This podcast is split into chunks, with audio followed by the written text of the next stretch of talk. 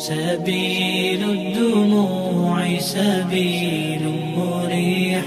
تنهدى يا صاحي كي تستريح.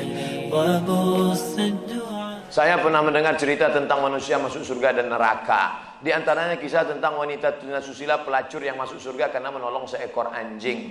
Kisah seorang yang masuk surga tapi belum pernah sholat dan sujud orang masuk surga dan neraka karena seekor lalat. Pertanyaan saya, apakah saat ini sudah ada umat Nabi Muhammad atau manusia yang sudah berada di surga neraka? Bukankah manusia akan masuk surga neraka setelah hari kiamat? Kisah tentang seorang perempuan WTS membuka sepatunya, sepatu kulit, dimasukkannya ke dalam sumur, dituangkannya ke anjing yang menjulurkan lidah, bukan umat Nabi Muhammad, tapi cerita tentang Bani Israel.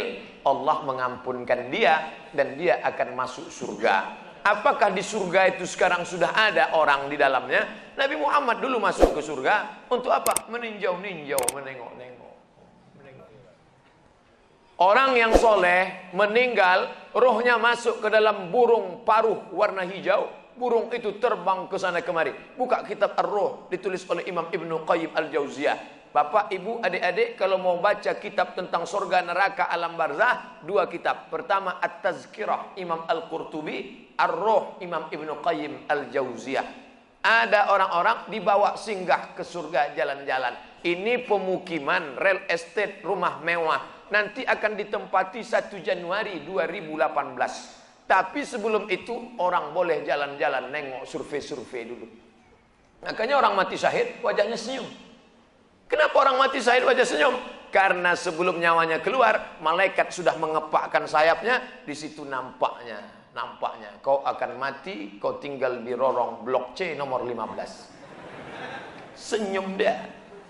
Ini kita sekarang jangankan tempat surga, parkir pun payah. Apa hukumnya jika saya sholat sambil menutup mata agar sholat saya menjadi lebih khusyuk? Apakah ini tak boleh Pak Ustadz? Sebab dulu saya pernah tanya hal ini pada dosen agama, katanya ini tak boleh. Karena dianggap tak sopan pada Allah. Sementara jika mata saya terbuka, saya sulit untuk khusyuk. Adakah solusi untuk saya Pak Ustadz? Thanks. Ada gambar senyum. Titik dua.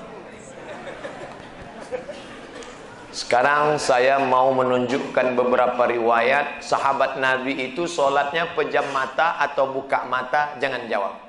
Nabi jadi imam, sahabat di belakang. Ketika sedang solat, Nabi buka selopnya, sendalnya. Waktu itu Masjid Nabawi pasir.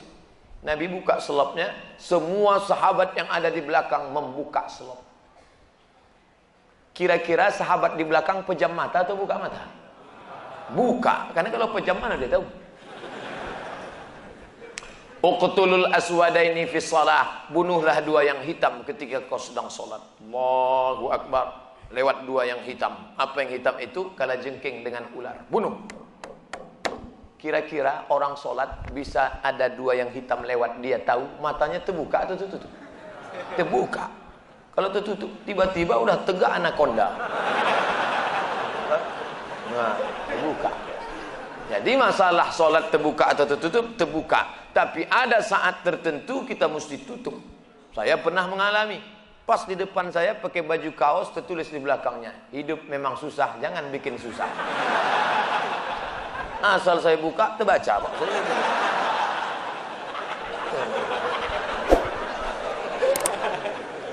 Jangan sholat ke masjid pakai baju bergambar-gambar bertulis-tulis, pakai baju polos. Gambar. Sudahlah hari Jumat, besok terlambat datang, datang ke tengah, tulis di belakang. Emang masalah buat lo. Kita bukan cerita sah tak sah, tapi efek pengaruhnya terhadap ibadah. Bagaimana pandangan Islam yang baik dalam mencari pendamping hidup seorang istri? Empat. Empat orang Pak Ustaz, sifatnya empat. Tungkahul mar'atu li arba' Perempuan dinikahi karena empat.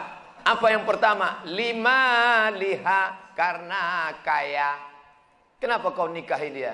Gimana lah Pak Ustaz, aku tengok cincinnya tiga biji.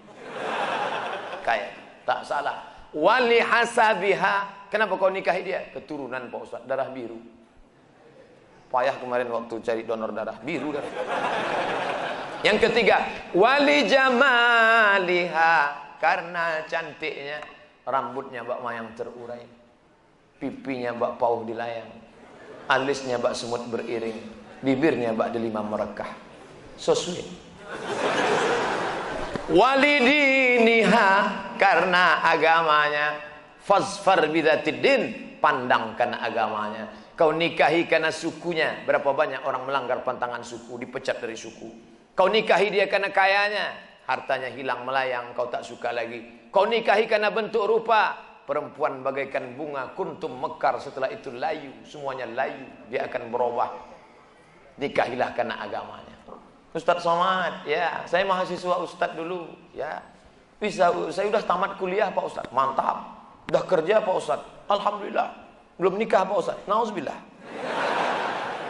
Bisa Ustaz carikan yang ada empat-empatnya Pak Ustaz.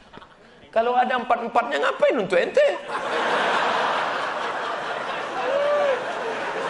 Man talaba akhan bila aibin baqiya bila akhin. Siapa mencari kawan yang tak bercacat seumur hidup tak akan berkawan. Menikah bukan mencari kesempurnaan, menikah menutupi segala kekurangan. Semenit setelah akad mulailah kau nampak segala kekurangannya. Kurang cantik, kurang tinggi, kurang putih, kurang mancung, kurang, kurang, kurang. Maka setelah nikah kau tutupilah segala kekurangannya. Setelah dapat inilah dunia akhirat Pak Ustaz. Jangan lagi matamu liar ke mana-mana. Kalau laki-laki sudah menikah, nampaknya perempuan cantik di jalan, pulanglah ke rumah. Apa yang ada pada perempuan di jalan itu ada juga di rumah. Walaupun bentuknya agak lain sedikit. Bagaimana Ustadz menjaga kesehatan begitu jadwal padat. Tadi masuk WA ke sahabat kita, apa kata dia? Kalaulah Ustadz Somad itu made in Jepang, sudah lama rontok. Lalu apa yang Ustadz minum, apa yang Ustadz makan? Semuanya doa jamaah. Cobalah tengok di YouTube, di Twitter, di Facebook, di BBM. Doa jamaah. Amin, amin, amin, amin, amin. Semoga Ustaz sehat. Semoga Ustaz istiqamah. Semoga doa menumpang tuah pada doa mulut-mulut tangan-tangan yang soleh. Mudah-mudahan kita bersatu dalam kebaikan insyaAllah. Berapa takbir Idul Fitri Pak Ustaz? Berapa hari? Dari mulai tenggelam matahari sore, petang, malam takbir sampai sore tanggal 13 10 11 12 13 Allahu akbar Allahu akbar Allahu akbar. La ilaha illallah wallahu akbar Allahu akbar walillahil hamd Sampai jam 2 malam suara tak serak-serak. Begitu ditengok, rupanya flash disk. Janganlah flash disk, orang lah. Ini banyak nanti flash disk ini masuk surga. CD masuk surga, flash disk masuk surga. Dilatihlah anak-anak muda kita. Latih anak-anak muda. Nih, takbir bukan cuma di masjid. Selama empat hari itu takbir anak-anak, ibu-ibu di rumah sambil masak opor, masak rendang, masak gulai kambing. Allahu akbar. Allahu akbar. La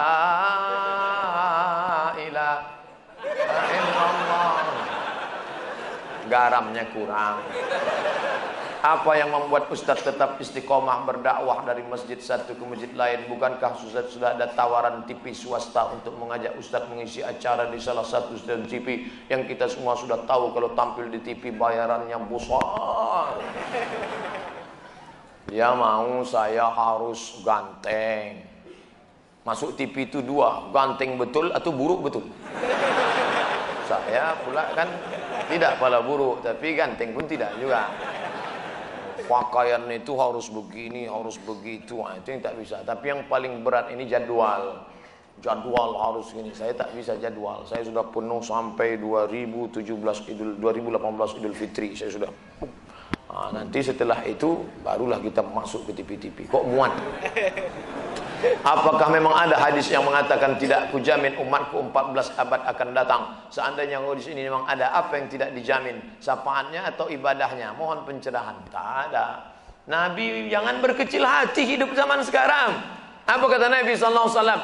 Al ibadatu fil haj fil haraji kahijratin ilayya. Siapa yang tetap istiqamah beribadah padahal waktu itu banyak fitnah-fitnah sama macam berhijrah bersama Nabi Muhammad sallallahu alaihi wasallam. Jadi jangan mengutuk nasib. Mengapa aku hidup di abad sekarang ini? Kenapa tak hidup zaman Abu Bakar, Umar, Utsman, Ali? Kalau mental model ini, hidup zaman dulu pun jadi Abu Jahal, Abu Lahab. jangan berduka. Anak-anak muda, kalian yang banyak godaan, justru hebat. Ini anak-anak muda yang datang malam ini. Luar biasa. Tadi udah ada yang ngajak ke karaoke, ada yang ngajak ke night club, ada yang ngajak main gapli, ada yang ngajak dangdut. Dia tolak itu semua. Maka sama macam hijrah bersama Nabi Muhammad SAW. Tuh. Bro, kita gimana karaoke malam ini? Tidak, aku mau ngaji ke sana. Ada Ustaz Somad datang. Itu. Setelah, jadi gimana? Pulang dari sana kita.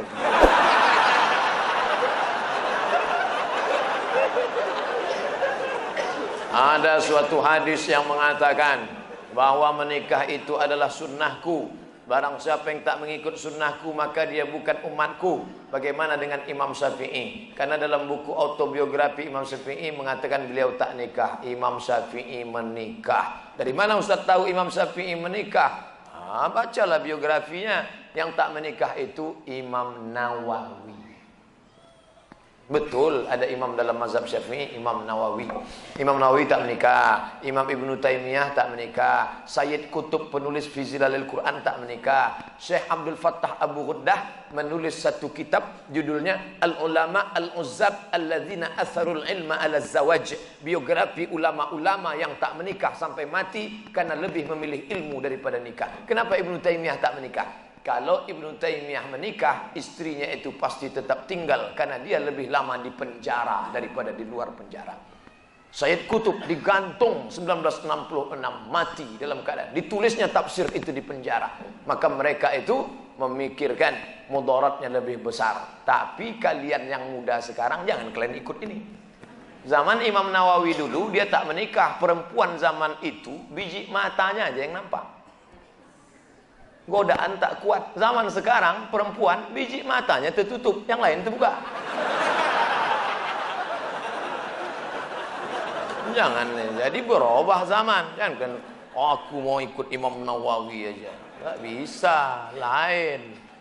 Lain tak bisa, godaan luar biasa. Ini saya mau pulang nih godaan yang paling terberat nanti jumpa pramugari lah.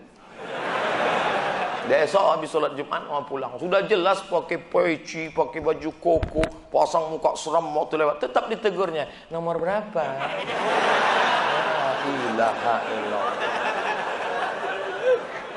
Udah dapat nomor kursi duduk saya. Sengaja tak ada senyum-senyum. Tetap dia datang. Bapak seat beltnya udah dipasang. Astagfirullahaladzim. Ramah betul lah dia. Silap pula lama-lama. مساك الفضاء الرحيب الفسيح.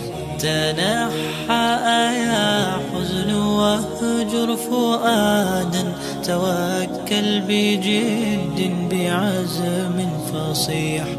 فإني علمت بأنك نجوى ولبس خبيث